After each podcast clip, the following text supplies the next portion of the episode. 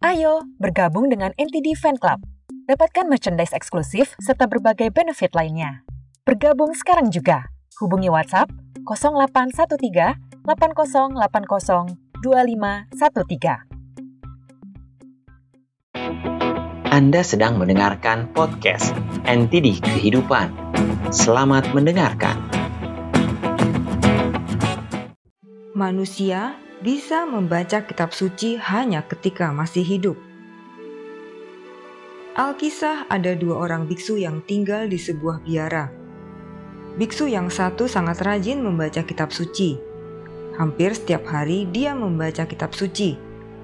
Setelah semua tugasnya selesai di hari itu, dia akan membenamkan dirinya dengan membaca kitab suci.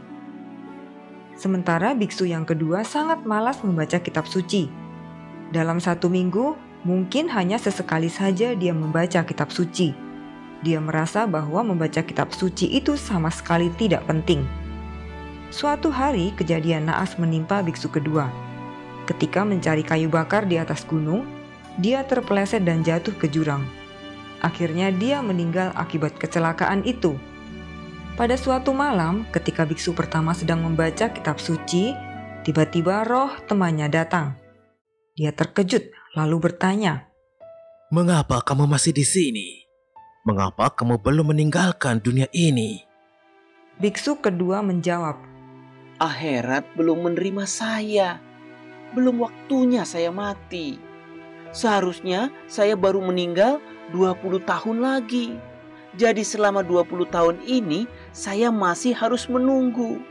Ayo, teruskanlah membaca kitab suci saya ingin mendengarnya. Oh, begitu. Ada banyak kitab suci di dalam lemari. Silakan kamu ambil saja satu untuk dibaca. Tidak, tidak bisa. Saya tidak bisa membacanya. Lah, mengapa begitu? Di sini sangat gelap. Saya hanya bisa membaca kitab suci saat ada setan yang membawa lampu lewat atau jika ada orang di dunia yang membacanya, barulah saya bisa ikut mendengarkan. Roh biksu kedua melanjutkan, "Membaca kitab suci sebetulnya sangat bermanfaat sekali. Itu menyelaraskan tubuh kita dan menetralkan hal-hal yang jahat di sekitar kita. Saya menyesal sewaktu masih hidup ketika masih memiliki banyak kesempatan saya justru malas membaca kitab suci. Kini, apa daya, saya hanya bisa menunggu ada setan yang membawa lampu lewat, atau menunggu ada orang di dunia yang membacanya. Ayo, segera bacalah. Saya ingin sekali mendengarkan lantunan ayat suci dari dalam kitab suci. Biksu pertama lalu berkata, "Baiklah, kalau begitu, kamu boleh datang ke sini setiap hari untuk mendengar saya membaca kitab suci.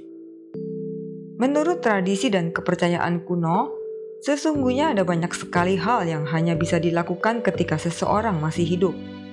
Salah satunya adalah membaca kitab suci. Jadi, jangan sampai terlena dan menyia-nyiakan waktu. Ketika masih memiliki kesempatan untuk membaca kitab suci, bacalah